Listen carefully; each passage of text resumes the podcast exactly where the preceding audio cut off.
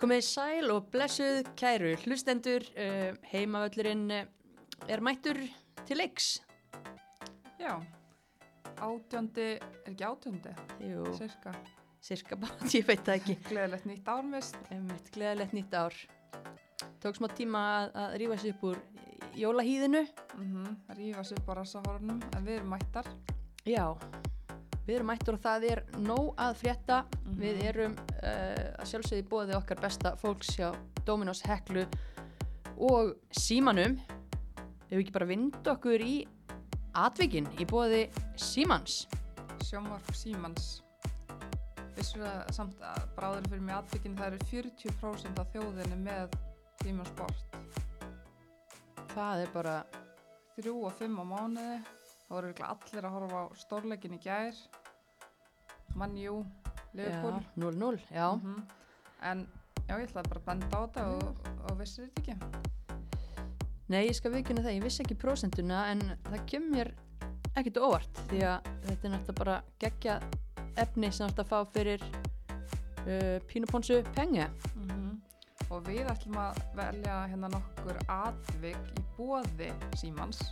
Mm Þeir gera okkur kleift hérna að vera að kjafta skrutunar og hérna það eru búið að, það er endalust að fréttum núna.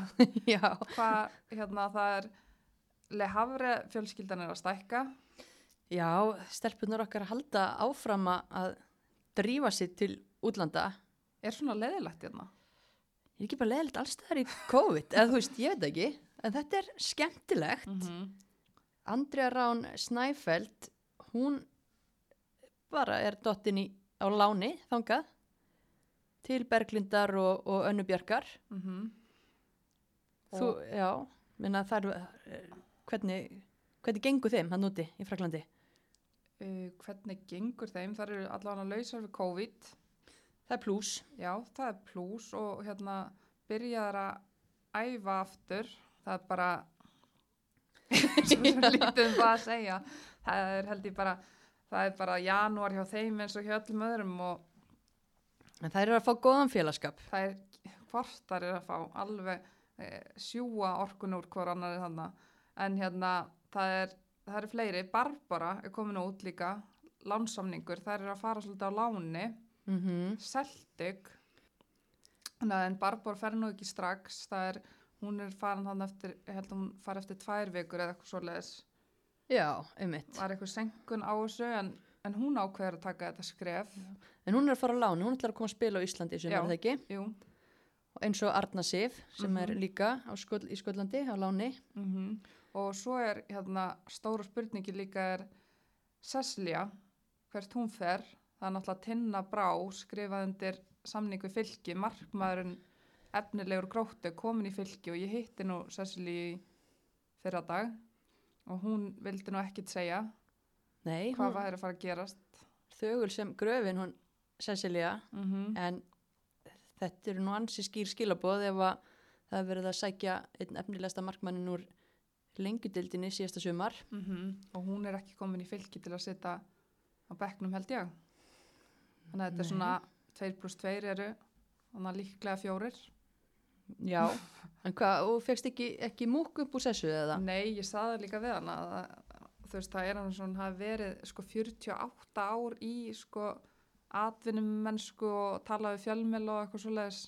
Hún er alveg með allar þessar setningar upp á tíu. En það var verið að tala um Everton hann um Já, daginn. ég nefndi það. Og hún vildi ekki segja já við því. Þannig að, kom ekkert glott, nei, ekkit glott. Var með sólgliru. og mér var endar inn í að skipta um föt inn í að fara í púmagalla hjá mér en nei, ég held ekki að það ekki verið neitt glott á hana hún Nei. bara, það er, já En- Já, já, við bara býðum og, og sjá, hún er að fara í eitthvað gott lið og hún er að fara, já, eins og bara, líklega, ég meina, Karlína Lea fór í gott lið á dögunum bæinn mun hér, það er spennandi. mjög spennandi og nú er verið að orða liðsfélaginar Aleksandru líka við Þískaland. Já, ok. maður hefur lítið heyrt uh, af henni svona með við, þú veist, með við í haust þá var mikið verið að tala um Mm náttúrulega allar þessar, þessar leikmenn. Hún svo hefur svona aðeins pása eða hvað sem er aðeins bori minna á, á slúrinu í kringum Alexandru en nú er eitthvað verið að tala um Frankfurt þar, Mm það væri nú ekki amalegt. Nei, og það er svo sem, þú veist, það ætti öll lið að vera, að vera eftir Alexandru, Já, finnst mér sko, og hérna, og hún myndi bara plumma sig vel í bara, eitt stórliði í Þýskalandi. og ef að hún er að fara þá erum við að hvað tala um sjötta leikmanni sem fer úr breyðablík Já. uh, Steini og ennþá orðaði við landslis þjálfara það, er náttúrulega- það getur verið því líki hlutir að gerast þarna í Kópavogi maður veit það ekki, mann skilst að það verið tilkynnt í, í vikunni, Já, hver tekur við þar? hver tekur við, er það steini eða er það beta líklega, hvor? Já, maður veit það ekki það skiptist að það er dagamunur á því hvor orðrómurinn er hærri Mm -hmm. en blíkar enda búin að sækja Þórtísi Hrönn og Karitas Tómasdóttur tveir flottir leikmenn komni þar inn og, og glemum við ekki að Hildur Antons, Ástæðir, Selma Sól ná sér að meðslum hvað er þetta fjólu sjalla ætlar hún ekki að koma tilbaka Það er spurning. þannig að, að og Áslu Munda spilaði lítið í sumar vegna meðsla þannig að Mhm. þetta er nú ekki eins og að sé vera það sé að missa hálft lið það er, það er fullt af góðum leikbönum manna Mm sem að voru ekki með síðasta sumar Ef maður bara velti fyrir sér hver myndi taka við af steina, það er kannski svona, hann hefur smurt þetta liðan svo góða vél síðust ár. kannski tekur engin við að steina Nei, kannski geti betra Úff. tekið við að steina ef að steini. nei, nei, Nei, við skulum, við skulum pása árum fyrir mig og mikið og mikið þvæling. Mm Mm. En það er meira, það er stjarnan og og st- stórfréttir fyrir bara garðabæn í hildsinu, þau hafa örgulega skálað á mathúsinu því að Anna Marja framlengdi við stjörnuna. Kom þetta þér á óvart? Nei, fröken Garðabær, El Capitan og Anna Maria Baldursdóttir uh, kom mér ekkit á óvart. Nei. Kom þetta þér á óvart? Mm, bara eh, hvort hún væri til að breyta til eitthvað. Hún þarf það ekki. Hún þarf það ekki. En það er fleira. Það er hver verður í markinu í garðabænum mist, segðum við það. Já, það er spurning. Það er Shanti Sandiford. Þurfist vera á leiðinni þangað. Það er áhugavert. Hún spilaði náttúrulega í pepstildinni hvenar með Selfossi.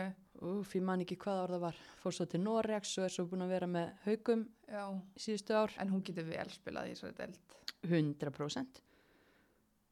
Geggjuðu standi og Mm og hérna bara já, þú veist, það verður ákveðin markmannskapa, allir manna hvað gerist hjá blikunum, Sonny sem kemur nú hérna á eftir, hún ætlar ekki að standa á millistangana þar en, en það er nót til að markmannum í kópavænum, fær telma Ívars tröstið, fær ástavítis tröstið, hvað gerist -hmm.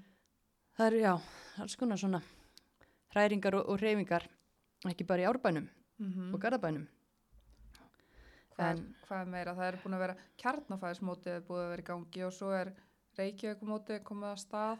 þetta er svo dásamlegt, allt að fara á stað Mm -hmm. Káar vann eh, Víkingi gær 2-0. mm -hmm. Það er, Kristín Sverris er, geggjaðan bor þarna hún er mætt aftur. mann þetta allt saman Mm KH Þróttur gerði 2-2 jafnlefli. Jafnlega blibli Já. í æfinguleik, KH varalið Vals sem mun taka þátt í, í hérna annar deild í sumar. Fyrsti leikur þess liðs. mm -hmm. Gera 2-2 jafnlefli þrótt. Mist. Já.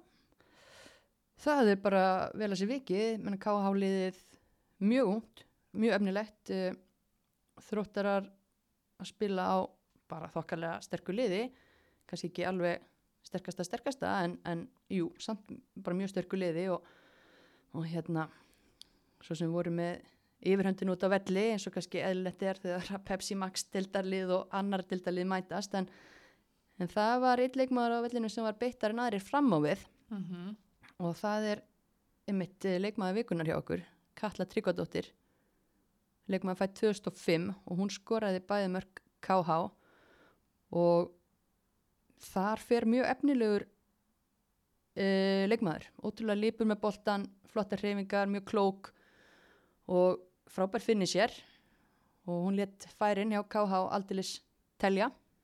Og bara, þú veist, eh, búin að vera ábyrjandi í náttúrulega yngri flokkunum er úr mjög öflugum árgangi hjá Val, þessar 2005 stelpur þær eru ótrúlega flottar, flott lið Mm -hmm.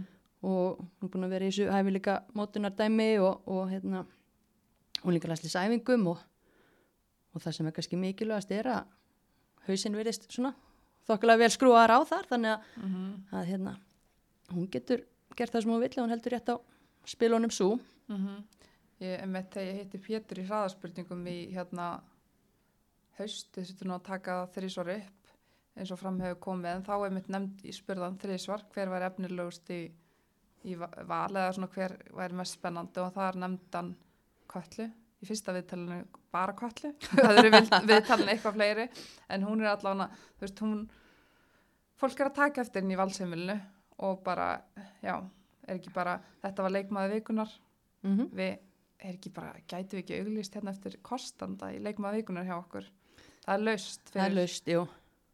Komið að vera með. Já, við erum búin að gera þetta í tvö ár. Þetta er bú- búin lang vinsalæsti liðurinn hjá okkur. Við hefum valið þetta á hverjum sunnudegi. Já, þá erum við mist, við erum alltaf í samskiptum öll sunnudagskvöld spáði því við hefum ekki mist úr sunnudarsamskipti í tvö ár hjá hver annari en sannlegt en fyrir fyrirtæki sem vilja stökkva á þennan vagn þá erum við við síman núna mhm eða ekki núna, við, ég skal taka hann á morgun en Alltaf. En talandi um leikmaði vikunar, Mhm. því að er ekki þá þar síðasti leikmaði vikunar sem Mhm. að er mitt mætt hérna til okkar í spjall. jú, Sonni Lára Þráinsdóttir, Markverður. Það voru óvænt tíðindi en það bárust á dögunum tíðindi. Sonni Lára hefur uh, sett skóna hilluna eða hvað, Sonni? Eru þeir komnir á hilluna? Sko, þeir eru allan komnir langt inn í skáp, ef við orðað þannig. Hversu langt? Já, ég minna, þú veist, maður er kannski skreppur á pólamótið akkurir eða eitthvað að leika sér. Það er En- svo langt. Já, alveg langt. Eins og staðin er núna, og eins og Já. það sem ég er að hugsa núna. Mm Ok. Mér fannst þetta nokkuð óvænt. Já, Hvað hérna, bara, hvað hva, hva kemur til að þessi ákvörðun er, er tekið núna, þó þetta sé kannski endalega ákvörðun? Já, um, sko, ég er búin alltaf að hætta í svona fjögur ár. já, Ok. Þannig að ég har alltaf svona, eitt tímabili viðbót, eitt tímabili viðbót. En svo einhvern veginn er þetta náttúrulega svo ótrúlega skemmtilegt og gaman og maður einhvern veginn getur ekki hætt, sko. Og það er alltaf eitthvað, þú veist, á næsta ári, þú veist, við urðum íslensmeistar og þá er meistaradöldin ári eftir, þá er eitthvað, jú, maður klára það, veist, en svo er alltaf eitthvað. Og Mm. hérna, en svo spila svolítið inn í ákvörðuna núna er að EM frestast um ár. Já. og þú ert hvað gömul núna? Já, ég, þú veist, er fætt 86, þannig ég er náttúrulega 934 en á þessu Mhm. ári verð ég 35 ára Mm og hérna, þannig að já, ég hérna, það, það spila alveg mikið inn í, sko. Ég hefði EM verið í sumar, þá hefði ég klálega tekið eitt tímabili viðbót, sko. En ég fann einhvern veginn bara, veist, eftir að tímabilið var ótrúlega skemmtilegt, gekk vel þrátt fyrir allt þetta COVID-æventýri, sko. En það var bara mjög gaman og mér gekk sjálfur vel, þú veist, ég var ekkert mjög ánæg með tímabilið í fyrra, þannig að þá var ég ekki tilbúin að hætta, sko. Þannig ég er líka bara sátt að geta svona hætt, þú veist, á topnum sem ég, þú veist, við náttúrulega auðvitað íslensmestrar og mér gekk vel, þannig að ég get gengið sátt frá borði, ég var það þannig. En þessi ferill sem þú átt, hann er náttúrulega mjög áhugaverður. Þú brosir núna, þú veist að hann er áhugaverður. þú átt, Já. sko, þú átt 197 leiki í efstu deild og, en þú vilt ekki ná þessum 200 bara. Jú sko, þetta er pyrrandi sko, af því að það voru þrýr leikir eftir í dildinni Ah. þegar mótinu var slefa. Já, ég skil þig. Vá, Já, þá hefði það verið svona skrifað í skíin. já, þannig að þess vegna var ég bara, jú, verðum að klára móti sko, eftir. Þá hefði ég nátt 200 sko. En, þú veist, þetta var bara eitthvað mentu bí held ég, þú veist, við náttúrulega mótið endað þarna á geggjum leik á valsvelliði og svona sem við triðum okkur titilinn en samt hefðu þrý leikið verið eftir en það hefði mikið þurft að gerast ef við hefðum bara að klúra því sko. Ég held að viti það allir sem hafa fyllt með. Já, bara ef annar lið vinnur báðar viðurregningarnar, Já. viðuregnirnar, þá eh, hlýtur það liða að eiga þetta skilið. Já, þú veist, þetta var bara mjög skemmtilega leikur á valsvelli, tvö geggjulið og, og góð stemning og þú veist, það var alveg bara fínt að þetta hefði þá verið slúta þá en ég hefði náttúrulega viljað klára mótið að bæði 200 leikinir og við hefðum getað kannski sleið með, þú veist, á, Mhm. þannig að, já, Hvernig var að fagna þessu heima? Eða þú veist svona, tillinum. Já, Þið höguðið ykkur og líkt hérna. Já, við, höfum, Öðrum? við, við kunnum þetta sko. Við, hérna, þetta var mjög skrítið. Ég var bara enn í vinnunni við tölvuna og svo fæ ég bara message frá ykkurum, bara til hamingju. Hvort það var ekki fríða eða eitthvað, hólfríði Magnús. Ég eitthvað, já, að, takk, eða hvað, eitthvað. Fer á vísi og þá sér maður þetta er staðfest og, og maður eitthvað fór svona í, veist, maður var mjög glaður sko, alveg, yes, og eitthvað svona, svo var maður heima bara eitthvað, hvað hef ég að gera? dansa. Eitthvað, "Ú." Já, fór að spjalli á stelpunum bara eitthvað, úhú, við erum Íslandsmeistarar, eitthvað, Zoom heitingur í kvöld, eitthvað, eitthvað, já, sendi steina á grúppun eitthvað, við erum að heitast á Zoom og það var planað þannig, þannig að við tókum hana létt skemmtilegt spjall um kvöldið. Hversu skemmtilegt er að fagna Zoom svona samanbori við, þú veist, á KSI hófi, kannski? Já, það er bara út á velli Já, eða, út af velli, sorry, í KSI Kási hófi. hófi. Bara Já, það velli. sem uh, bara dreifleðilegt, sko. Það er það mikil munur, sko. Mm. Það er eiginlega það sem maður er bara svona, ó, maður, þú upplifin er svo geggi, sko. Mhm. að, þú veist, vinna leik eða, þú veist, klára mótið jafnvel og geta gert það heimaðalli þú veist, dómarinn flautar af búið þú veist, pallurinn dregin upp og allt Mhm. þetta í kringum þetta, sko það er bara ólýsanlegt, sko og maður hefði viljað það, sko Mm. En þú varst búin að prófa að gera það uh, já, svona á hefðbundnari hátt, fa- fagna fjórum risatitlum áður. Uh, Voru ekki fimm? er ekki, er að tala um áður? áður, já Já, tveir já, tveir byggar já. og svo eitt, eitt Zoom-partí. Já. Hérna. En þú veist, uh, það kannski er áhugavert er að náttúrulega þú ert alveg upp í fjölni og ferð seint í breðablík. Seint í breðablík. Hvena ferða að æfa að ég var að reyna, átta mig á þessu og ég skilit ekki alveg hennar fyrir. Nei, þetta er, sko, ef ég hugsa sjálf út í það, er þetta mjög skrautlegt, sko. Uh, ég náttúrulega fer ekkert að æfa mark, sko, æfa mark fyrir, en, hvað, 2006. Ég tók eitthvað svona einn og einn leik hana 2004-2005, en svona, þegar ég fer formulega að æfa mark, þá, það samt er eiginlega haust fyrir tímbili 2007. Ég man, ég kom þá, hérna, fjölnir ætlaði að fara að fá sér útlendingi í markið, þetta var, við komumst upp í Pepsi-deild 2006, sko, þá var ég í markinu í fyrstu deild. Mm. en það var ekkert svona markmannsæðingur og markmannsþjálfun sko, ég var bara eitthvað að leika mér æfingum sko. Og svo hérna fer ég í spænsku skóla hana, ég og vinkonum mínum hausti og komum svo á æfingu í januar 2007 Hvað Þá- fóruð þið í spænsku skóla? Hvað er Malaga? Já, það var ótrúlega skemmtilegt. Og hérna og við bara, og ég kem bara á æfingu þannig ekki búin að æfa náttúrulega hana, þess að trjá mánu og ég segi við þjálfaran bara ég er bara að mark. Ég ætla bara að vera í marki sem var og hann bara, já, einmitt. Það er enga trú á mér, sko. Hver var þjálfari þarna? Andri Sellert. Já, Neini sanni. já, en, en hann gerði mig að þeim markmann, eða leðaleg grunninn að þeim markmanni sem ég er í dag, sko, hann má eiga það. Hann bara, hann svona hlustaði og hann, ég man sagði við mig, svona ég hló bara eftir, eftir þessa æfingu, ég bara hún er aldrei að í marki hjá okkur, sko. Þeir voru bara að skoða útlending á netinu, sko erlenda leikmenn og hérna, en svo bara þjálfaði hann mig og tók mig bara í gegn, sko og gerði mig að góða markmanni, sko svo var ég hann í, hvað heitir það, landsbankadeildin 2007 Mhm. Þannig já, það ár var svona, hann var bara með- markmannsæðingar með mig. Ég man ekki hvort að einhverju aðrir hafi komið að því, hvort ég fór eitthvað til steina eða eitthvað, ég man ekki hvernig það var. Hoppaði stundum yfir með strákunum á æfingu, sko, í markmannstjálun, sem sagt. Mm. Markmannstjálfum þá í fyrsta skipti 20 ára. Já, svona formlega, sko. Já, það er magnað. Og varst, hva, já, kantmaður í yngri blokkunum eða ekki? Jú, ég var geggjuð á ærikanti, sko. Beckham Þó fótinn. ég segi sjálfur á, sko. Við vorum með mjög gott liðan í fjölunni, sko. Við vorum, já, ég var Beckham á hægri og svo er Björk vingur mín gigs á vinstri, sko, og, og Lísa Kantóna inn á miði, sko. Þetta var, já, þetta var gott, sko. En hérna, já, ég var út í leikmaður alveg lengi og var að skora mörg og, og bara svona góði leikmaður, sko. Þú veist, ég var náttúrulega, ég var alltaf verið frekar skotfest og á sjömanna velli að hendaði vel að negla bara frá miði, hendaði oft inni.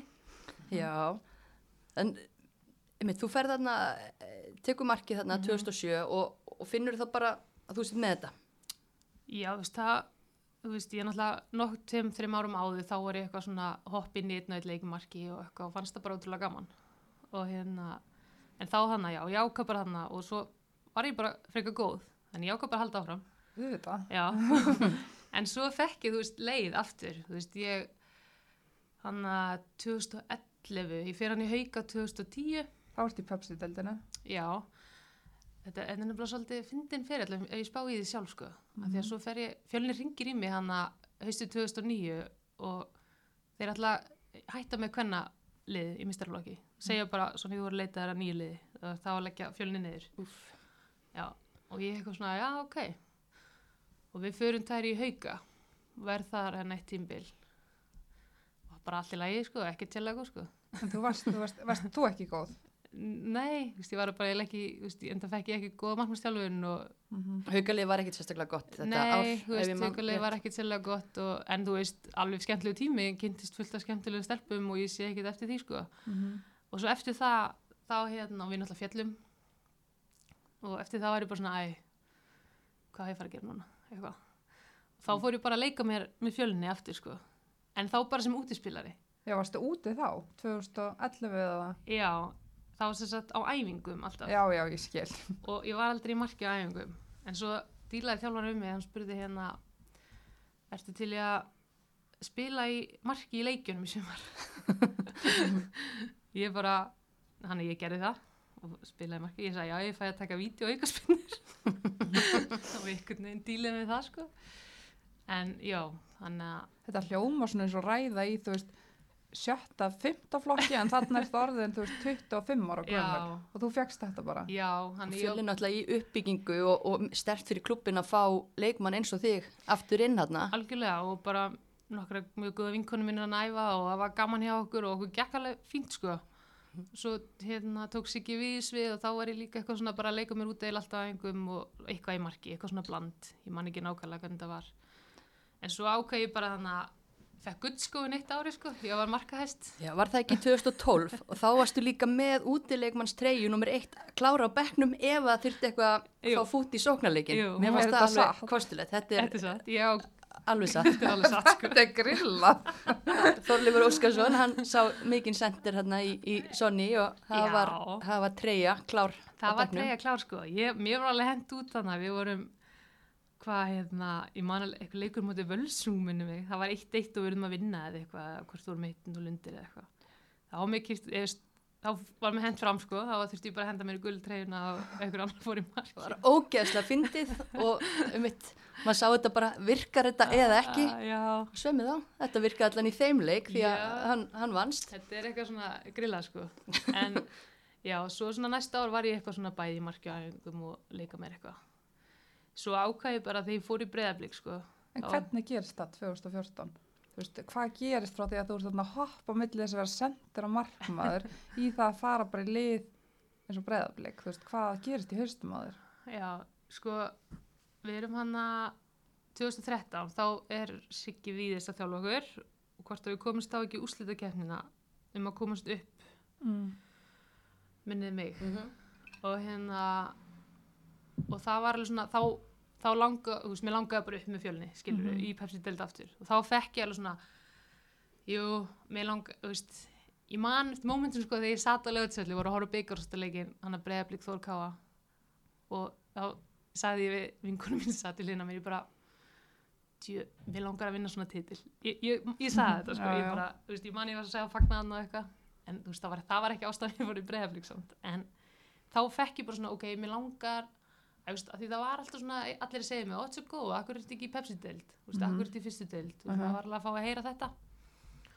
Og ég eitthvað svona, já svo á, veist, ég bara held ég hafi ekki verið nógu sjálfselsk, eða ég veit það ekki veist, ég var alltaf að hugsa um einhvern veginn veist, ef ég fer, hvað gerist þá einhvern veginn, þá er það ekki með markmann ég var alltaf í þessu. Mm og líka eins og eftir 2007 þá einhvern veginn svona það var útlendingur hjá okkur og hún eitthvað svona hei, viltu koma út í háskólaboltan og ég bara, ég get ekki farið þá fjölur ekki með markmann. Æ, þú veist, eftir á hyggjar skil. ég bara, okkur fór ég ekki, okkur pröfaði ég ekki að fara? Einu önn, það hefur óslega gaman. Einmitt.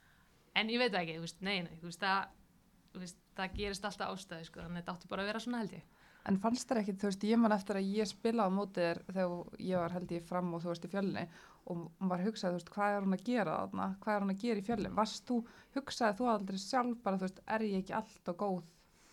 nei, þú veist, mér varst bara svo gaman þú veist, Já. ég var bara með vinkonum mínum fjölni og rosalega gaman hjá okkur og, en svo þarna 2013, þá hugsaði ég þá fór ég svona, ei ok, þú veist þá var ég orðin þetta gömul og ég var ekki svona, ok, mér langar að sanna fyrir mér Mhm. að ég sé góð í marki. Vist, ég fekk alveg þessu hugsun bara, ég vil sanna fyrir mér að ég sé góð markmaður. Og það var eiginlega svona ástæðan. Við mættum sérst breyðabliki byggarnum hann að þetta sumar Mm. 2013 og það er rétt unn okkur 1-0 sko. Og ég held ég að við sínt þá blikunum hversu góð ég var í marki. Það er allavega hérna, ringdi í þig. já, það var allavega hérna, það hefði getað skora svona 12 mörk í þeim leik. En Þú áttir ágættarleik. ég átti ákveðinleik þannig að já, þetta var ég mani mitt í, þá tók ég um aukurspinni í stöðin 1-0, sko eitt í slanna varst, en hérna, já, þannig að þetta hann að haustu 2013, þá fekk ég bara svona ok, mér langar að sanna fyrir mér áðan ég hætti Mm að, að ég sé góð í marki. -hmm. og það var eiginlega svona ástæðan ég á hvað að fara í Pepsi-dild svo ringdi hlinu bara annum haustið og tjekka á mér sko mm.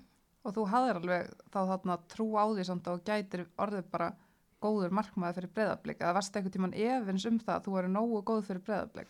nei, þú veist ég, ég var bara einhvern veginn að hugsa bara sem ég ætla að gegja að breyðablík vildi fá mig Mm -hmm.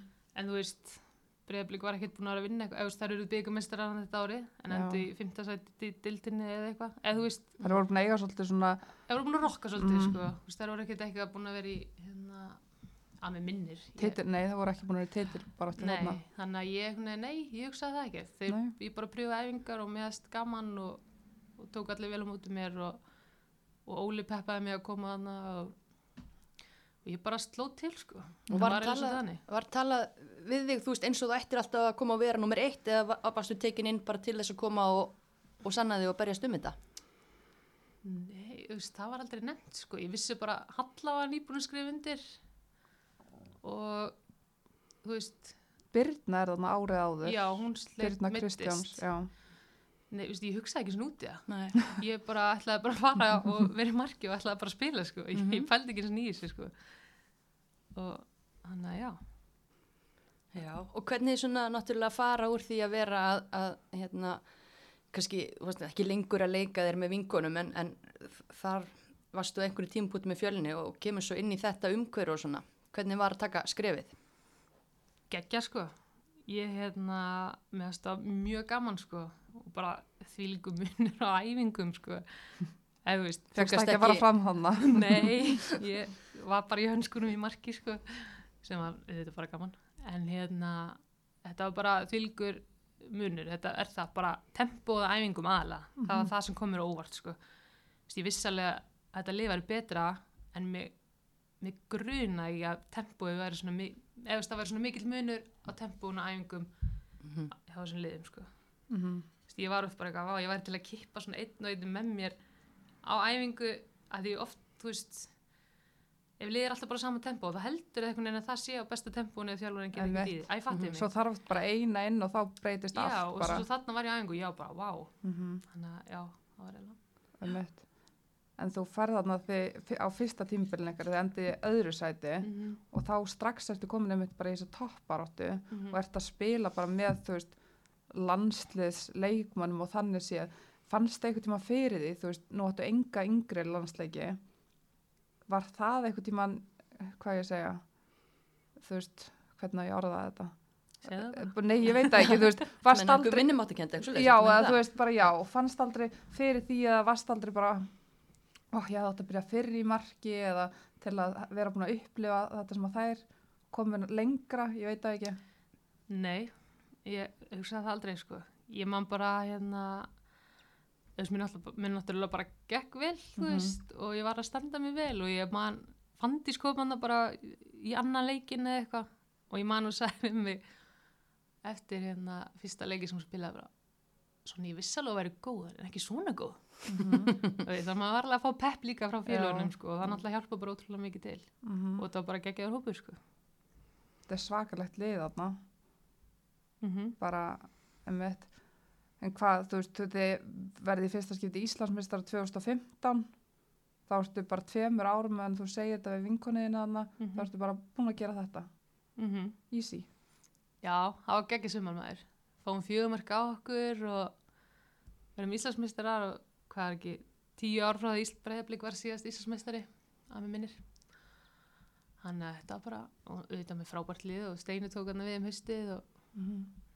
eins og hann hefur nú sínt mark ofta á þér að þá gera hann bara mjög guðlið sko. mm, algjörlega en þú, eins og segir, þú færði að því fjögum mörg þarna og, og náttúrulega farin að vekja þá kannski meira aðtíkla og svona, fannst það eitthvað fyrir því, þú veist fyrir fjölmiðlum eða eitthvað svoleiðis að fólk verið að taka eftir Já, það var svona aðeins líka áður, ég man hann að 2014 þegar ég held inn í landslýsópinu fyrst, alhanslið.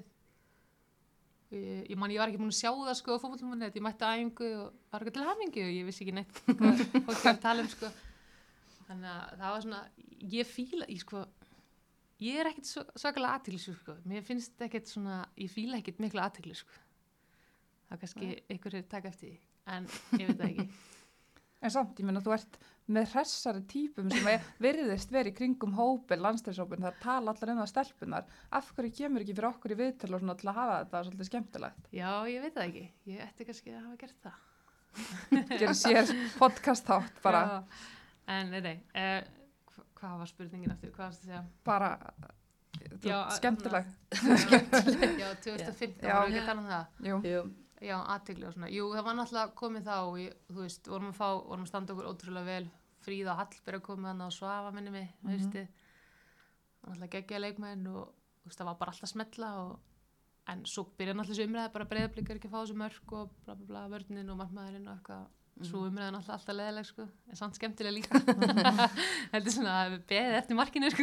já, já, það er En þú veist, það er bara eins og það er, gaman að því. tví ekki en þú spilar Mm. þarna 2015 uh, fyrsta landsleikin eða ekki, U23 Jú, á æfingarleik á múti Pólandi. rétt. Mhm. Jú, það var þá fyrsti að landsleikurinn. Það var bara gaman sko. Var það inn í Egilsöll eða var það, var þegar voruð út í Skotlandi Sko, ég. Svo fórum við hann að 2015 um vorið eða fórum ykkur helgi til Pólans. Þá var það skráðheldi sem alansleikur eða eitthvað. já. Man ekki alveg hvernig það var. Þá fóru svona nokkra þangað. Sem Freysi var að fylgjast með svona. Mm fóru til Pólans já, en svo fóru náttúrulega Algarvi hann að 2015 Þannig að- og þá ég man ég átt að koma inn á einhverju leik þar en þá meittist útileikmar en ég fekk ekki að vera inn á ah, var skellur. En, en svona stíga inn í þetta landslýs uh, umhverfi aftur, þú Mm. ert að taka það ennþá lengra skref? Já, það var gaman sko. Það var hérna 2014 því fóru inn, þú veist, þá var Þóra Helga en þá að spila og og hérna og fleiri kempur sko og bara ótrúlega gaman að kynast stelpunum mér sem hóp og, og umhverfinu sko mm. mjög gaman En svona eins og þó, þú segir þannig að Þóra Helga, þú veist, þið voru væntalega í sikkur markin að verja, hugsaðar aldrei bara fokk þetta Þóra Helga og ég er að verja hinn megin, þú veist, byrjaði tvítug, æfa mark. Nei, ég hugsaði það aldrei sko. Hver var, sástu einhvern mun á ykkur, ég meina þeir eru báða svakalegar í markin, fannstu fyrir einhverju svona, ok, hún byrjaði að æfa fyrir mark eða eitthvað, er þetta spurning út í hött? Nei, en þú veist, ég veit það ekki, ég, ég pæli bara, ég... Þú ert bara rosa mikið í núinu. Já, ég er, ég er það sko. Já. það er bara alveg svolítið þannig. sendirar Já, Já, og svo fyrst gaman að vera úti á æfingum já, þannig að nei, ég stundi sagði bara marki hvað hún er ógeðslega góð af því maður sá hana svo lítið spila. já. Það veist, var bara ekki að vera sína leiki. Mhm. Mhm. Þannig að maður vilja sjá meira af því, sko. já, það er, já, einmitt það er nú eitthvað sem hefur heldur betur breyst, breyst til batnaðar þó- en með gera, gera betur Mm Það er talað um mikið, þú veist, að mitt á sér góðu liðsfélag og þetta. Er einhver svona liðsfélagi sem dettur í hug, bara sem er geggjaður liðsfélagi sem að þú bara væri til að ljósa þetta í allið, svona sem að Það er nokkra, sko. hver er skemmtilegust. Æ, ég get ekki vala eina, sko. Ég er náttúrulega skemmtilegust, sko. En nummer tvö og þrjú, nei, nei, það eru svona margar. En uh, Hildur Antons er alveg geggið í hóp. af og það er eh, bara skemmtilegu karakter sko og hérna en ég get nefnt mjög margar sko Mm en hérna svona já, einhverju fjölni, sínu gömlu dag síðan gömlu það Já. já. Þú veist, Helena Conrads mjög góð. Um, ég get eiginlega ekki fara að velja á milli, þetta er allt svo góð vinkunum sko. en hérna, jú, það eru nokkar auðvitað Kristrún og þessar stelpur sko. Já, þetta var einmitt, skemmtilegur árgang, árgangur og árgangar í, í kring líka einmitt í fjölni þó að uppbyggingin hefði kannski ekki endilega farið eins og maður hefði viljað eða, eða geta séð fyrir sér Nei, það er eiginlega sorglegt sko, hvernig þetta fór. Mm. Af Mhm. því hann 2007, þegar við heldum okkur upp í Pepsi, sko, þá voru alveg með geggjaðan hóp, sko. Mhm. Mm. Það var svona ungar og góðar dæmi, sko. Mhm. En svo bara, því miður, þá klúraði, klúraði fjölnið því, sko. já. já, já, það er eins og Það er. Mm. en já uh, það sem er alltaf magnað við ferilinn og það sem að ég ætla nú bara að skjóta inn á er mitt er hérna að við fórum í fjölni áðan er að, að einhvern veginn allt þetta gerist eftir 29 ára aldurinn er það ekki, Wow. þessi titlar fimm risa titlar Hún var í 29 ára því ég var hann fyrst. það getur verið. ég sá það í Excel-skjali hérna Já, það er bara passa. Já, uh, þú veist þannig að þetta er búið að koma bara eins og buna, þetta er bara svona tomatsósu áhrifin bara, hérna, eittur og buff. Uh, hvernig er að svona einhvern veginn að halda sér í jörðinni, halda fókus, þú talaði um það að hérna, þú hefur alltaf ætlað að hætta og svona, þú veist, hvernig einhvern veginn heldur bara, já, Mm fókus. um, það getur alveg erfitt sko. Uh, er, já bara svona milli tímbila þá. Já, og líka bara eins og segir, ef, ef það er eitthvað svona í Já, hausnum eitthvað- að þér og þú, það er ég ætlað að fara að Já. áður en ég hætti, til dæmis. já, það er alltaf þessi gulrót sko sem hefur verið. Ef þú veist eins og 2016 þá verðum við ekki íslensmistrar uh, unnum byggarum þá. En þá var náttúrulega EM 2017 Mm. þannig að maður vildi fara þangað. Og svo eftir 2017 þá hérna unnum við held, þá unnum við ekki neitt. Og ég bara, ég er ekki að fara að hætta titlalög sko, það kom ekki til greina og þá var svona smá uppbygging í breiðablík sko. Þá komu hann að Karo og Alex og Mynda og, og einhverjar landslistelpu fóru út sko. Og þá var ég bara veist, mér langaði líka að gera betur sko. Og það var náttúrulega geggja ár sko 2018 svo. Mhm. þegar við vinnum tvöfalt. Þannig að já, það er alltaf eitthvað svona sem, þú veist, heldur manni við efnið sko. Mm. Já, hvað varstu, já, af því að það er alltaf eitthvað, þú sagðir Mhm. á þann að, að ástæðan fyrir því að þú verður að kalla þetta gott í byli núna væri að það væri langt í næsta EM, en hvað varstu búin að sitja lengi og, og hugsa, hvenær vissuru þetta? núna, Já, uh, góð spurning. Og glott er það uh, ég hérna sko, ég var fann að hugsa þetta alveg hérna, sko, síðastu haust þá ringdi Steini mig, ég ætla bara að byrja þar. Ég man eftir þessu hérna eftir tímbili fyrra. Þá var ég alveg svona, þá var ég virkilega að hugsa hvort ég ætti bara að segja þetta gott sko.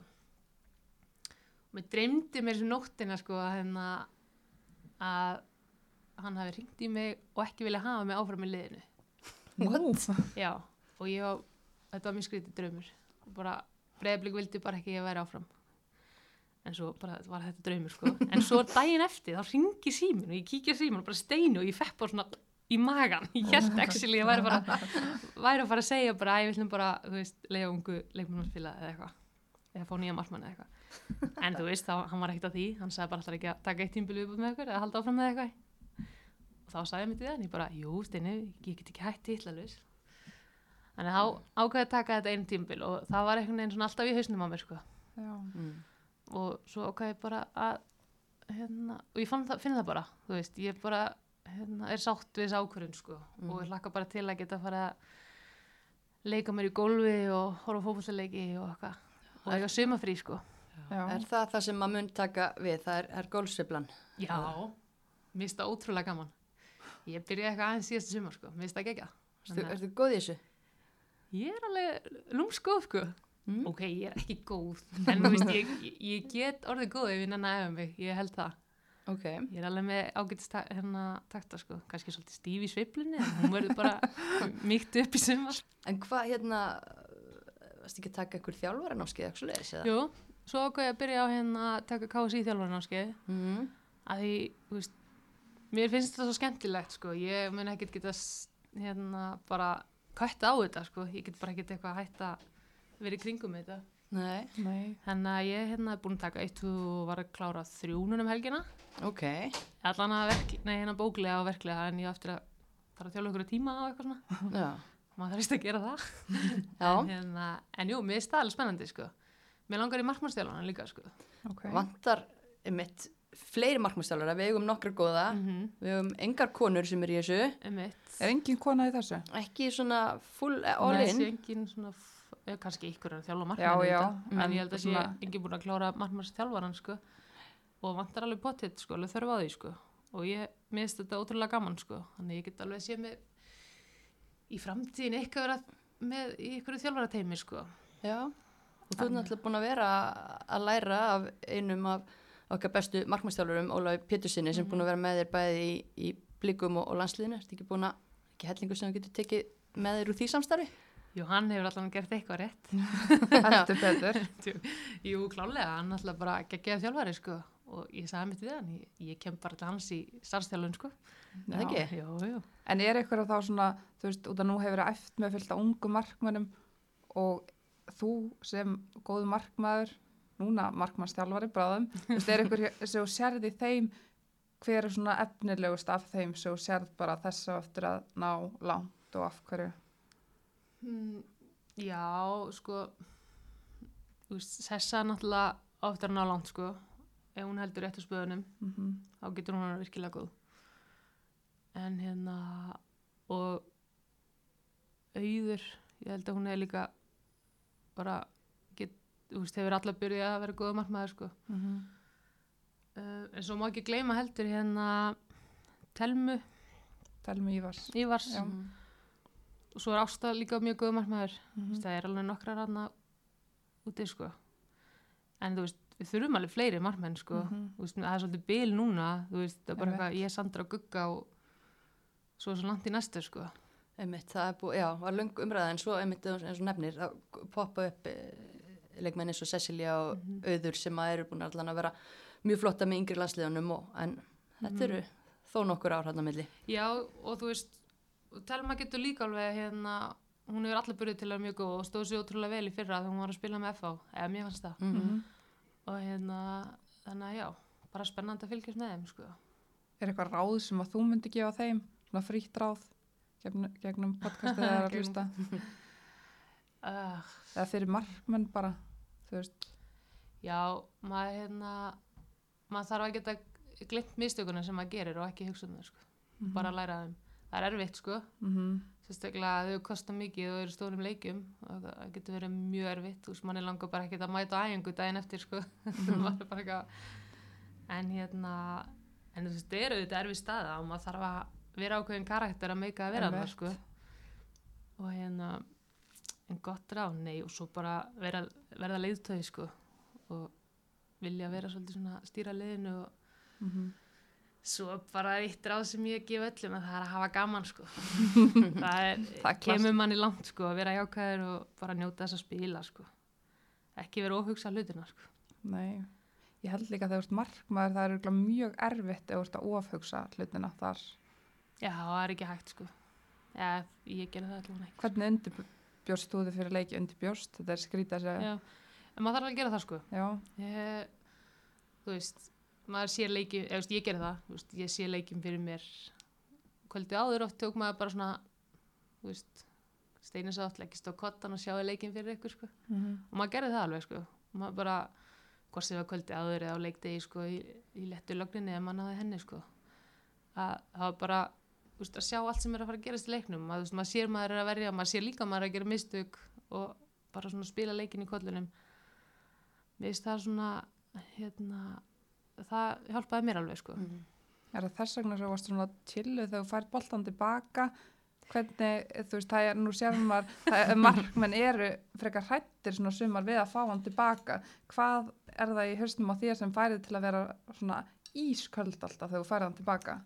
maður verður náttúrulega að vera rólegur sko af því að, þú veist, ef maður ætlar eitthvað að hérna, hérna eitthvað að vera stressaður og þá gerir maður mistökin sko það er nefnilega málið og ég hef alltaf verið fyrir, kannski ofur óli fyrir suma sko en en nei, það er líka gott ráð sem mikið að bara halda ró sko og hafa trú á sér þannig að, já, En hefur alltaf verið svona róleg? Er þetta eitthvað sem að, alltaf já, er, í marki, þú ekki tala um það? jú, eða bara já. Já. ég er, ég er endar alveg, held ég alveg ágætlega róleg típa svona almennt sko svo get ég líka alveg ég er líka alveg sprelligossi sko en jú, ég hef alltaf verið svona sko ég hérna ég ofta, stundum um eitt kannski gera of mikið sko, þannig aftast sko, einhvern tíma tók ég eitthvað aftur fyrir hæl og eitthvað.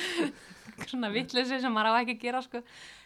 En maður þarf líka að velja mómentin þú veist, það er sumt sem maður gerir í stöðinu 3-0 og annað sem maður gerir í stöðinu 0-0 sko. Mm En hvað hérna, segir maður eins og Steini þegar að Sonny tekur hann á hælinn í einu vítateg? Já, ég held ég að ekki gert það með breyðablík sko Nei, ok. Er það samt ekki? Ég, Ég finnst ég ekki. að allan sé ykkur tryggs. Einhver Já, trikk, sko. ég Já. alveg, ég hef alveg tekið eitthvað svona kött og þú veist, eitthvað svoleiði sko en þú veist maður bara þetta er bara að halda ró og hafa sjálfströð sko og þú veist, eða þú veist eitthvað efastu sjálfa þá ertu að fara að gera mistök sko Mhm. Mm. En talandi um stress og pressu eins og Mm. hérna bara við förum aðeins aftur í, í sumarið í sumar það er náttúrulega bara eins og þú nefndir aðan það voru bara allir að býða þá til að blika fengja á sig mark því hérna náðu ótrúlegu rönni mm.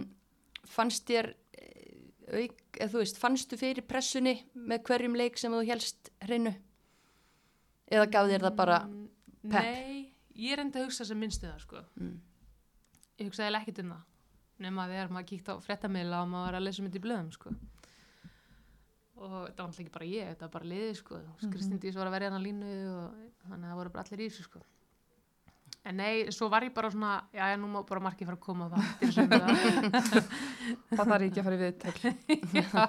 En þú veist, þú hefur fengið það mjög lítið að mörgum síðustu ár og hefur ver, verið bara með bara besti markmaðurinn í deildinni, það er hægt að segja það, bara svona. Eh, þú veist, þú hefur ekki spilað kannski alvöru landsleik, þetta hafi verið leikir á Algarve og svona, er það, nú er ég bara hreinskili svar, Mhm. þú veist, er, er það ekkert farið í taugarnar að þér að þú hefur ekki fengið alvöru leik, að þú fegst bara sjansinn kannski ár, Mhm. Jú, mjög mikið. Já, bara, bara frekar leðilegt sko. En hérna um, eða þú veist, maður var bara hvað getur maður gert meira sko? Mm þú veist það var ekki nóg að fá ár eftir ár fæstu mörkin á sig í dildinni eða eh, þú veist, verður búin að standa sér vel eða eitthvað. Og hérna, já en svo þarf maður bara víst að virða ákvörðum þjálfarans og já, ég veit það ekki. En jú, meðast það glata sko. -hmm. þú veist, það var oft tímpil sem ég var bara mér langaði að spila sko, auðvitað. Mm já, þetta er erfitt sérstaklega marki, það er bara einhvern veginn Já, þú ert ekki að rótira mikið í þeirri stöðu sko. Þjálfar eru oft hérna íhaldsamir og sem ég skil alveg Mhm. mjög vel. Og hérna svo eru örugglega kostur og gallar að vera með sama markmannstjálfar í landslið og félagsliði sko. já, eða þú veist ég held svo svolítið erfitt fyrir, Ó- líka fyrir Óla sko. já, já, þú veist, hann sem markmannstjálfar er kannski bara ef hann væri bara eitthvað, ég vil svona spili þá getur fyrir komið um það, ég er það bara því hann er þjálfarni breyðablik mm æskili, já, algjörlega. Þú veist Hann þekkir henni náttúrulega alveg örgla best og En það er þá kannski eitthvað sem KSI þyrfti að skoða líka bara, er þetta eðlilegt að þjálfari sé að þjálfa bæði hérna, félagslið og, og landslið? Já, en þú veist, ég er ekkert að segja að það sé ástæðan sem ég nei. ekki mótsleik, sko, alls ekki þú veist, bara, við erum búin að vera þannig að ég gugga á Sandra, bara þrýr mjög góða markmenn og Mhm. þú veist, það er bara, ver, bara verið ótrúlega skemmtilegt, sko Mhm. en þetta vil maður alltaf spila þess vegna Mhm. er maður í þessu, sko Já. En svona, í staðin fyrir að, tala um leikina sem ekki komu, bestu leikinir, hvað er eftirminnilegasti leikur? Ú, eftirminnilegasti Já, eða bara svona, hvað hugsaður um? Já, vá um, sem setur svona sem kemur fyrst upp í hugan sko er og það er svo margir það er alveg nokkur Hver kom fyrst? sko. uh, leikindur á mútið Rósengard í mestaradeldinni Mhm. 2016 það er alltaf geggja lið sem vorum að mæta og ég man ég var mjög stressið fyrir þá leiki hérna, en svo var ég bara ókslega góð í þeim leikim sko. við rétt höfum fyrir þeim og liðið var bara geggjað Mm Marta og einhverjar annað? já, jú, jú af hérna, en svo auðvitað kom upp í hérna, veist, valsleikurinn í sumar á Mhm. líðarenda og hérna, já það er svona sem ég detti fyrst í hug sko. Já, einmitt, þetta er svona til, tilfinningaleikir og þessi valsleikur náttúrulega var rosalegur því að áður um þetta sigumark kemur þá varst þú náttúrulega þurfa- búin að þurfa að hafa aðeins fyrir hlutunum. já, já, skemmtilegt sko. Ef þú veist, ég held að það eru stutti áður hann sem ég verið skallan bara Alex eða eitthvað. Já, og í ef hann hefði leiðið inni, Já, það er bara veist, það er verið ljótt. fyrir ykkur þar að segja. þannig, þú veist, þannig að þetta er stutt á milli í þessu sko. Já, en svo náttúrulega fyllt að leikjum sem er í kollinu, þú veist byggarúsleikinni þeir eru geggjaðir, það var glata það var ekki klárað í sumar sko. Mm, það var planið að vinna töfald sko. Mhm. það gekk ekki, Nei. nei, hefði ekki þetta gengið mögulega, maður veit ekki. En er ykkur sóknamaður sem það, þú veist, þú hataðir að mæta meira, eða var bara svona, ó, var svona ófyrirsjánleg og, um, nei eða jú. Uh, Sandra Meijor það verður aðalega því hún var ofta að láta sér detta sko já, það fór ógeðslega í töðunar á mér sko. og dómarni fjallu mjög oft fyrir því sko. hún, hún kann þetta sko. mhm, náttúrulega mjög góð, geggið já, Mhm. en þú veist, hún var svona uh. fulli, fullin fyrir þinn smekk, fullin fyrir þinn smekk. já, þú veist, veist aftur bara í lappina sko. nema þú ert actually spörku niður þá máttu þetta Mm. Já, já, maður mann eftir nokkrum momentum hann á Kópavásvelli þar sem að þið já, heyrist vel í ykkur steina allavega, það var ekki, ekki kátt með, já, það kátt með anstæðingin. en já, þetta hefur verið geggjaði ferill og bara magnað að þú veist, Það er svo gaman að ekki sama uppskrift alls já. Og- og þessi uppskrift er eiginlega bara geggjuð, bara, já, ég meina það er aldrei á seint sko, en maður vill eitthvað en þú veist, þegar ég fór að æfa mark ég var ekkert eitthvað, ég ætla að vera í landsliðið og eitthvað uh Þú veist, ég ætlaði bara alltaf eitt ári breyðablöku að hætta, ég ætlaði bara að sanna fyrir mér að ég væri góð markmaður sko. Mm. Svo var bara svo gaman að ég endaði ykkur sjö ára eða eitthvað. Já, ég er bara, ég er bara spennt að sjá hversu lengi hanskarnir verðin í skáp, sko. Svo er það það sko. Þið hefur ekkert kýtlað að taka hérna, eitt sumar með fjölni í annar til þú heimt að vera sendir eða? Sko ef ég færi núna eitthvað að leika mér, þá myndi ég fara að leika mér úti sem útispilari sko. Ég myndi ekki ekki? í mark sko, jú, þannig þá hefði ég bara verið áfram breyðablík sko, ef ég ætlaði í marki. En þá færi ég bara eitthvað að leika mér sko. En ég er ekki þar núna, mér langar frekar bara að fara að hitta vinkunum minna eins og viku eitthvað að sprikla sko. hitta gamlu fjölninstelpunar. Já, eitthvað svo leiðis. Já, Þetta er samt ótrúlega skrítið og náttúrulega vantilega rætta við aðrar vinkunin sem eru hættar að spila. Þessi tími á milli hálf fimm og átta á kvöldin, Mm þú veist, sem verður allt í unni til en fólk veit ekkert hvernig það á að nota hann. Nei, ég bara, ég man hérna fyrstu dagi núna eftir áramót, þú veist, þá vissi ég að stelpunum var fara að byrja bara fullu að æfa, þú veist, það bara æfum kannar 4. janúar klukka 5 eða eitthvað. Ég man ég kom heim úr vinnunni og ég eitthvað svona, kom heim, setti sér sófan og ég kveikti á sjóhanspinu og ég var bara eitthvað svona, þetta er eitthvað ramt við þetta. Ég hugsaði bara, já, verið að gera eitthvað annað. ég, ég var með svona samvinskupið, bara eitthvað jú, þetta verður, en ég hef yngar ágjur og ég fyll ekki frít, eða þú veist, tíma, sko, er nóg að gera, sko. Það er bara að æfa sig, finna, finna út hva, hvernig maður rúla best. Já, algjörlega. Maður líka að fara að reyfa sig eitthvað. Þetta er hæðilegt. Já. En er ekki svo brjálega að gera, er þetta ekki vinnu og skóla og alls konar? Jú, ég er í vinnu, fullri vinnu og svo er ég að reyna að fara að byrja að skrifa mastersryggjörð Mm. og svo er ég að taka þjálfarnámskeiðin og það er nóg að gera sko. Já, nú að gera. Hvað vinnur við? Herri, ég er að vinna hjá Orkuveitur Reykjavíkur á mannsvið. Ok, Mm þú varst alltaf í tómstundastarfinu eða ekki? Jú, var fórstumar í félagsmyndstöðali í fimm ára eða eitthvað. Sex. Veit það ekki, tími flýgur svo. Látt síðan þú færið yfir í var bara, fekk, ég var svo heppin að fá sumarstarfan síðasta sumar og svo hérna fekk ég bara áframhaldandi starf í vetur. Þannig að það var bara gegja. Ok, Þannig ég bara, það er nóg að gera hjá þér.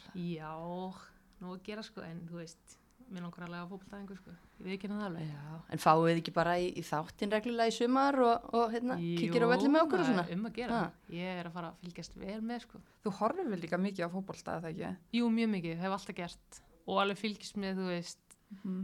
ég horf ekki bara á millið sko. Já, en að ég hef alltaf gert það, bara alveg upp við það sko mm Mhm. Manchester United sko já, það er bara, var kveikt á ennska boltanum alltaf sko. Já, Er það ekki bara, geggjað, já. þetta er, já, geggjur saga og bara, Magnaður markmaður. mm mögnu kona, bara til hamingju með ferilin og ég segi bara, ég hlakka til að fylgjast með þér, bara hvað sem þú fer að gera, sko. já, takk fyrir það Já, geggja að fá Sonny til okkar, uh, hanskarnir komnir inn í skáp, Hulda, hvað heldur þeir verði lengi þar? Svona tvo tíma, hún verður komin að æfingu bara eftir. Heldur það? Mm Já, já, heyri, en já, það kemur í ljós. En við erum konar með aðra gesti, góða gesti, Júliu Óladóttur og Hrund Steinarsdóttur, uh, leikmenn KM. Mm. Og við erum kannski aður við komumst að því hvað KM er að, að hérna, grilla þær aðeins, eða ekki? Við erum nefnilega í hérna, búið Dominos að vanda Ok. Okay. og Hulda, ertu ekki með einhverja dundur spurningu á dömurnar? Jú, Dominos spurning vikunar? jú, hún er ansi góð hjá mér núna.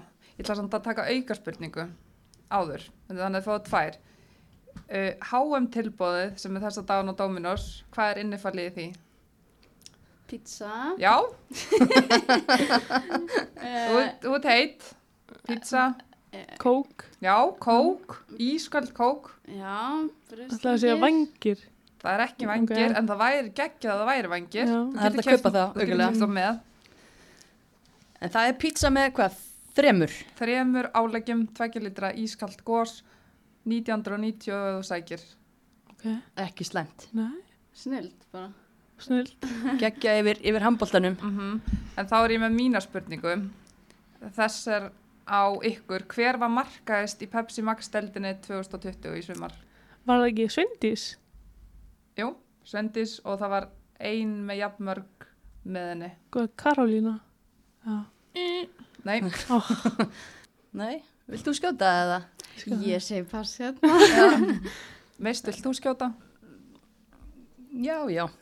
Það var Agla Maria og Sveindís Það eru báða með 14. Ó, En vel gert. geggjar. Já, mjög. Þannig að þetta var í rauninni rétt. Já. Mm. Rétt með pítsuna og rétt með Svendisinu. Þetta er fullt hús hjá Vantaði okkur. og. Þeir eru va- valla mættar og það er komin alveg fullt hús. En þeir eru nýtt lið, er það ekki? Mm Fyrir hvað stendur KM? Þú að taka þetta, Júlíka. Já, uh, þá bara stafirnir eða? Já, til dæmis. Já, ok. Uh, það stendur fyrir knattspyrnufélag miðbæði Reykjavíkur. Af því það er ekkert lið í 101. Það er pælingin. Ok, Mm. og hvaðan eru þið? Uh, Ég er úr Grafói. Mm ég er á breiðaldi og já, ég er á fylni. Þannig að, þú veist, Já. við erum bara úr Já, öllum já, áttum og Komum úr öllum landslitum og allt bara svona. öllum aldrei líka. Og já, Hittist í miðbænum. Já, nei, reyndar ekki. Við Nei. erum ekki í miðbænum. ok, ok. En við kennum okkur við það. Já, já. Það er bara eins og það Það er. er grjóthart að kenna sér við miðbæinn og æfa svo hvar æfið þið. Kortnum úti. Ok, Kúbóinum. Úti samt, já, Já, ekki. úti, Já. ok, geggja. En hvað hérna, þú veist, einmitt, KM, Mhm. hérna, splungunitlið, hvernig kom þetta til allt saman? Sko, það var stopnað árið 2013 og þá var Mhm. þetta bara kallalið. En hvennalið var stopnað 2018. Það byrjaði sem svona áhagamannabolti Já, hjá köllanum, sko. um ok, Og voru bara, sem búi í Íslandi. já, Já, stopnað þannig. Ok. og síðan var bara eftirspurn, eh, þú veist, fólk vildi bara spila fótbolta og þá Já. bara byrjaði að betast í lið og síðan kom hvennalið og, Já, og það er búið að vera núna í tvö ár rúmlega og já. Og þið ætlið að skrá ykkur til leiks á Íslandsmóti í sumar. já, Já, já, spennandi. þetta er bara, þú veist, þetta er búið að vera ógslag gaman Mhm. en, þú veist, það er einhvern veginn vantar meira gaman. Já, já. Skilur, vantar alvöruna og Mhm. sparkir rassinn og svona. Hvað eru þið búin að vera lengi involveraðar? Uh, ég byrjaði í júni, held ég, síðasta sumar. Er búin Ég- að vera eitthvað lengur. Já, ég byrjaði uh, haustið 2019. Þá var liðið bara búið að vera í gangi í ár. Mhm.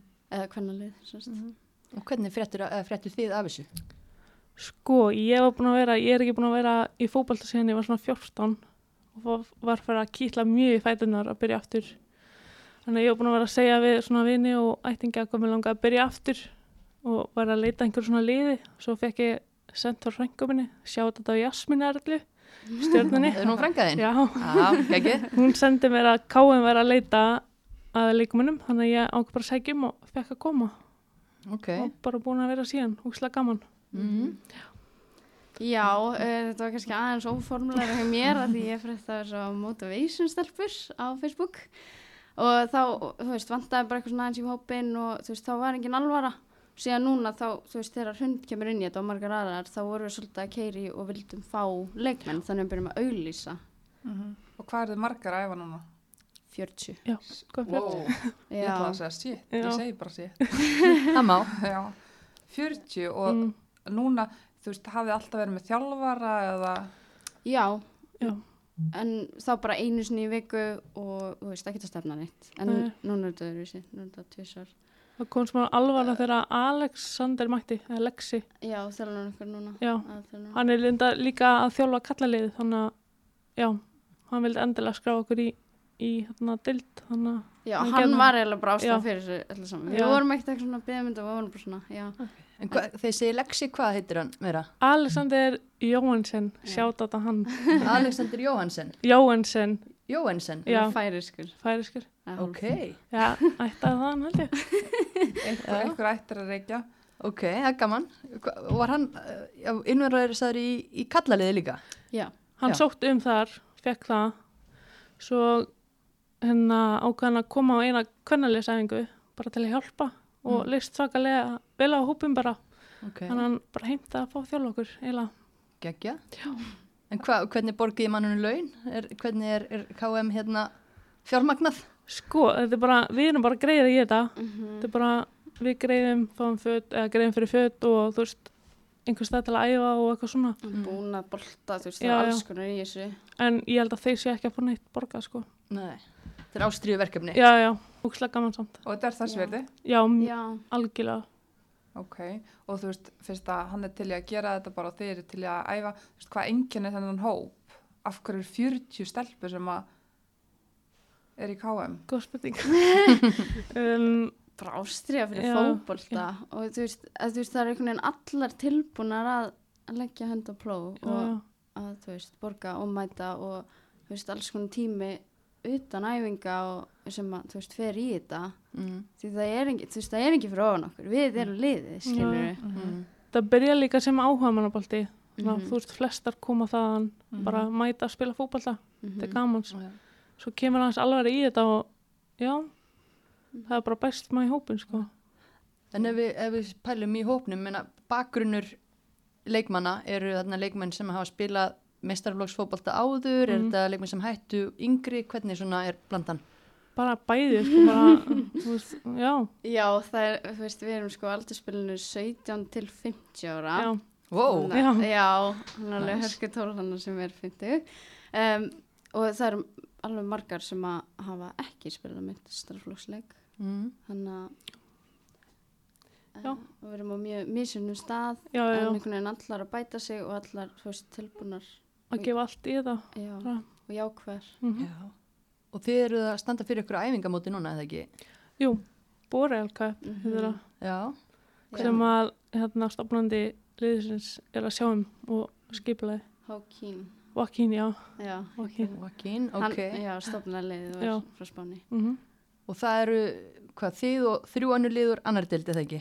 IR, Hamar og Fjölnir. Já. mm Og það byrjaði um helgina? Á fimmtudaginn hvað? held ég já, að byrja að fymta já, 14. já, Okay. Og eru þið búin að spila? Já. tvo leiki Ok, hvað kemur svipur á? Hvað?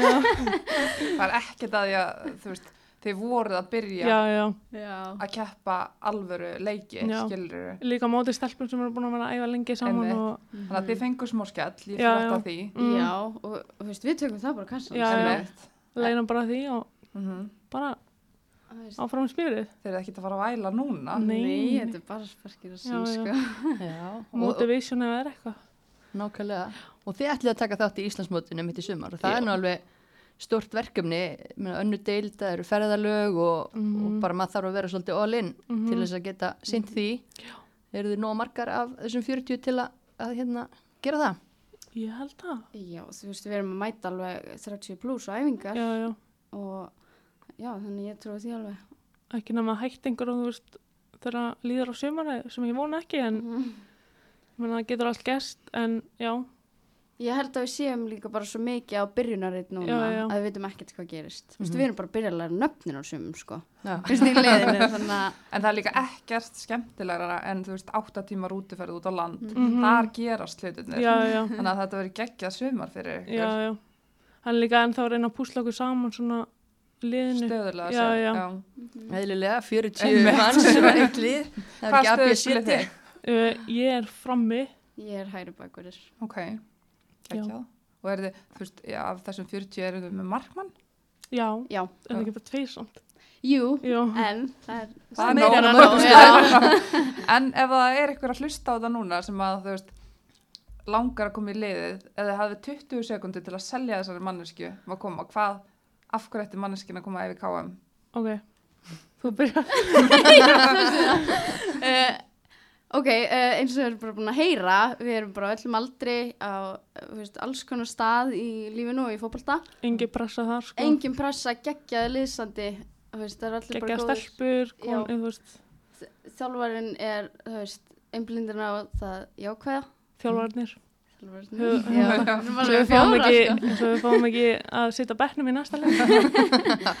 Einmitt, þannig að, já. Þannig að þetta er, er gaman að það. Mjög. Mhm. Maður hlakka til að mæta æfingar, sko. Getið þið tekið á móti fleiri leikmönnum ef þið eru orðna 40 eða hvernig er það? sko. Er ekki bara best að Ef hafa þú samband? kannt eitthvað í já. það getur mætt og prófað og þú veist, þú, bara já, bara, þú veist, það er alveg, hérna, alveg keppni, Mhm. það komst í hóp, Samkefni, alveg. já, emmitt, en, þú veist, ég held, það er ekki að prófa, En hvar hefur fólk samband? Er það ekki bara að leggsa á Facebook eða eitthvað? Jú, Alexander Jóhansson á Facebook. Eða Jónsson. held ég km.km.is, ég veit það ekki. Nei, við erum alls En þið eru með Instagram. Já, Instagram. Já, þið geta að senda línu þar í já, gegn. já, nákvæmlega. Já, emmitt, ég verð með á morgun. Já, já. já. Júlía tegur það. Gekkja, en já líka bara hrósa ykkur. Það er búið rótulega gaman að- að fylgjast með ykkur á Instagraminu. Mjög lifandi og, og mikið að gerast. Takk fyrir það. Þannig að, Já, Gott að heyra. já, við bara, erum emmitt að reyna að vera sínilegar, því við höfum ekki, já. Bara gaman að fylgjast frá undirbúning og bara fá að vera með því öll, ekki bara sínu leikjan, bara í kringum þetta hvað er að gerast. Já, já. Ókvæslega nú að því ég býð í 101 þá er ég að dömpa þrótti og byrja að halda með KM. Þannig að það er bara. KM eru mitt lið í sumar. Mm Hmm. En við hlökkum bara til að mæta leiki. Já, Hlökkum mikið til að mæta leiki. okkur. til að fá okkur í stúkuna. Mhm, Við verðum í stúkunni. Já, Klálega. Bara gangi ykkur ótrúlega vel og gaman að fá ykkur. takk kella fyrir okkur. Já, þá bara eitt eftir held ég, Hulda, í dag. Mhm. Það er síðast en ekki, ekki síst. Er gaman að heyra í miðbæjarkonunum. Já, heldur betur. En við eigum eftir að velja heklu þáttarins. Já. Og það er einhver sem að er til háborunar fyrirmyndar. Eins og, því lík tilvíðin, eins og hekla sem að hefur verið að kosta hann lið hjá okkur. Bara hver, þau eru búin að vera okkar bestu vinir í hvað? Ár. Já, ég held það. Eitthvað svo leiðis. Bjóða upp á heklu. Og þá getur fólk gert eins og ég er að leita mér að bíl núna.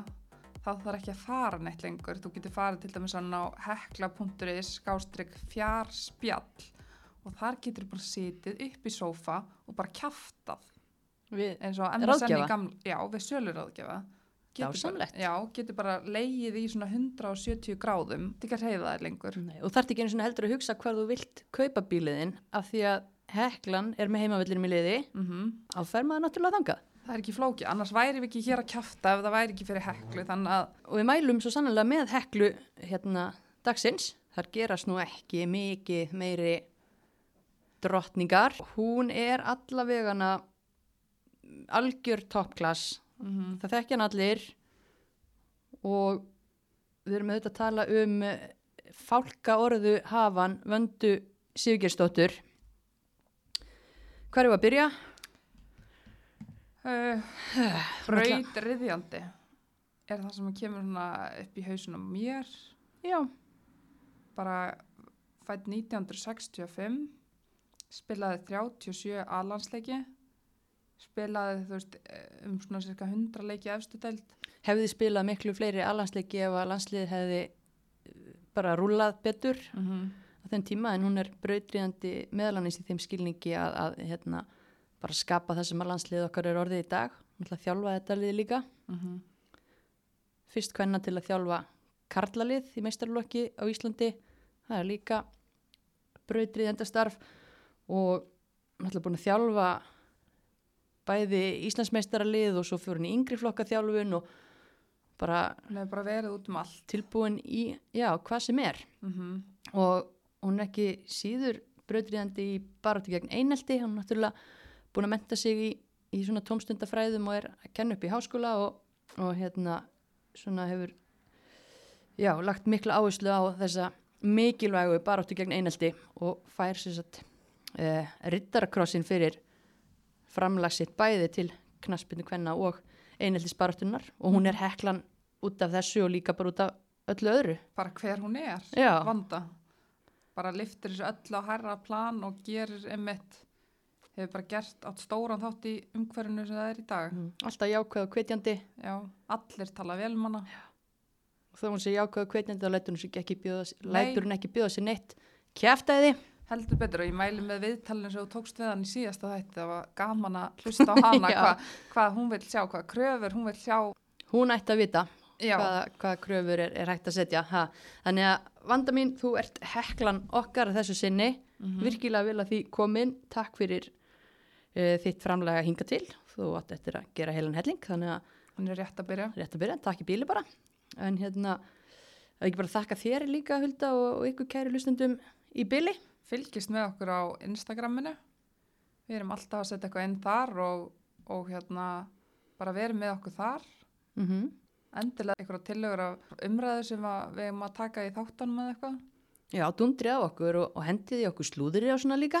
Fínt ef, þið- ef þið lumið okkur um mólum að, að hérna, neglaði á okkur. En takk fyrir að hlusta og, og takk fyrir kvöldið mist.